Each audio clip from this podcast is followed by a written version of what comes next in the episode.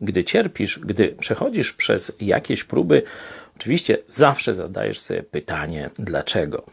Podam ci jedną z odpowiedzi. To nie jest pełna odpowiedź, ale warto o niej pamiętać. Oto apostoł Paweł w drugim liście do Koryntian wysławia Boga i zaraz potem mówi o cierpieniu.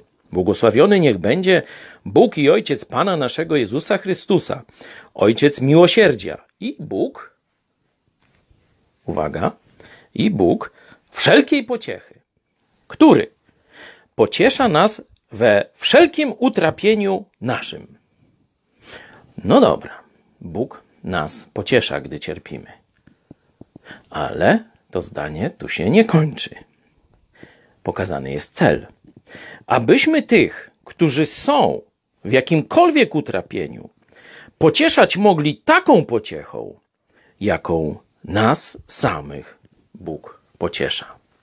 Gdy cierpisz, doświadczysz Bożej pomocy, a potem będziesz mógł umacniać tych, którzy teraz cierpią. Bóg pocieszył ciebie, a ty możesz stać się narzędziem Bożego pocieszenia dla swojego brata lub siostry w Chrystusie. Wtedy lżej cierpieć.